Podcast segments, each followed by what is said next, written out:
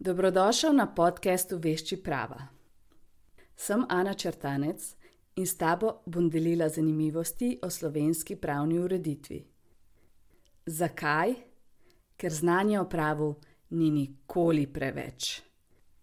Če ti je vsebina všeč, bom zelo vesela, da se prijaviš na podcast in pustiš svoje mnenje, saj s tem podcastom pomagaš, da se dvigne više na lestvicah in tudi drugi zvejo zanj.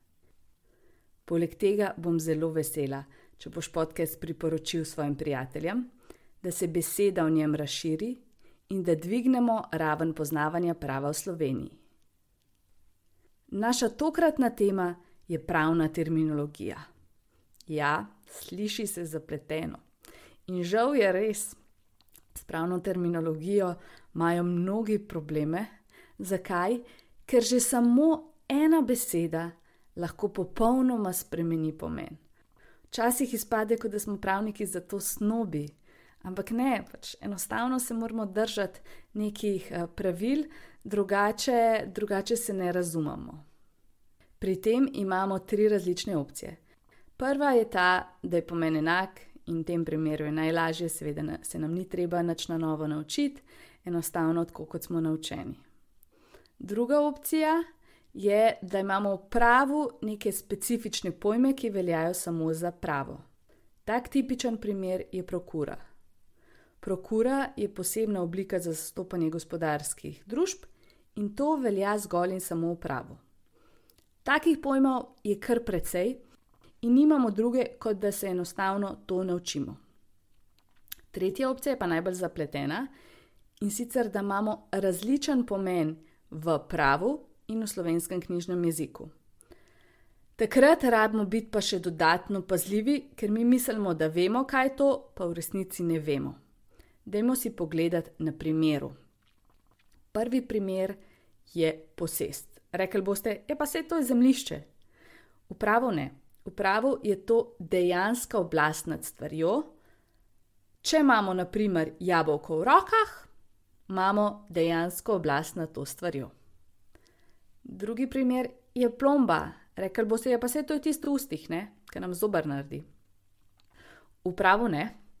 Upravo je plomba na zemljišču in sicer, ko se vloži neka vloga v zemljiški knjigi, dokler teče ta postopek, je na zemljišču plomba. Torej, na ta način, ko je na zemljišču plomba, mi damo vedeti, da se nek zemljiško-knjižni postopek dogaja. Tretja opcija je sklep. Sklep se izda takrat, ko gre za neko procesno odločitev v postopku, naprimer, da se zaprosi za izvedenca. Ne gre torej za vsebinsko odločitev, ki bi odločala v konkretnem sporu, ampak nekaj, kar se tiče samega postopka. Potem imamo pa še novelo. Novela, boste rekli, to je prozno delo. V pravu so to neke spremembe in dopolnitve zakona. Ja, viš, takih pojmov je še kar precej. Moj nasvet za te je torej ta, da boš vedno pazljiv. Ne predvideva, da veš, ampak vedno preveri. Kako si lahko pomagaš?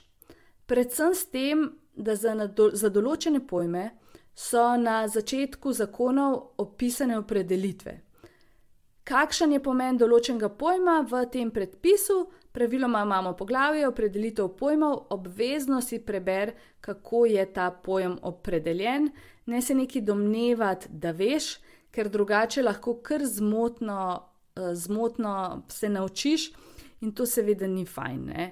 Vedno je treba preveriti, kakšen je dejanski pomen, če ne, se lahko zadanejo negativne posledice. Mimo grede, a znaš to najti v zakonu?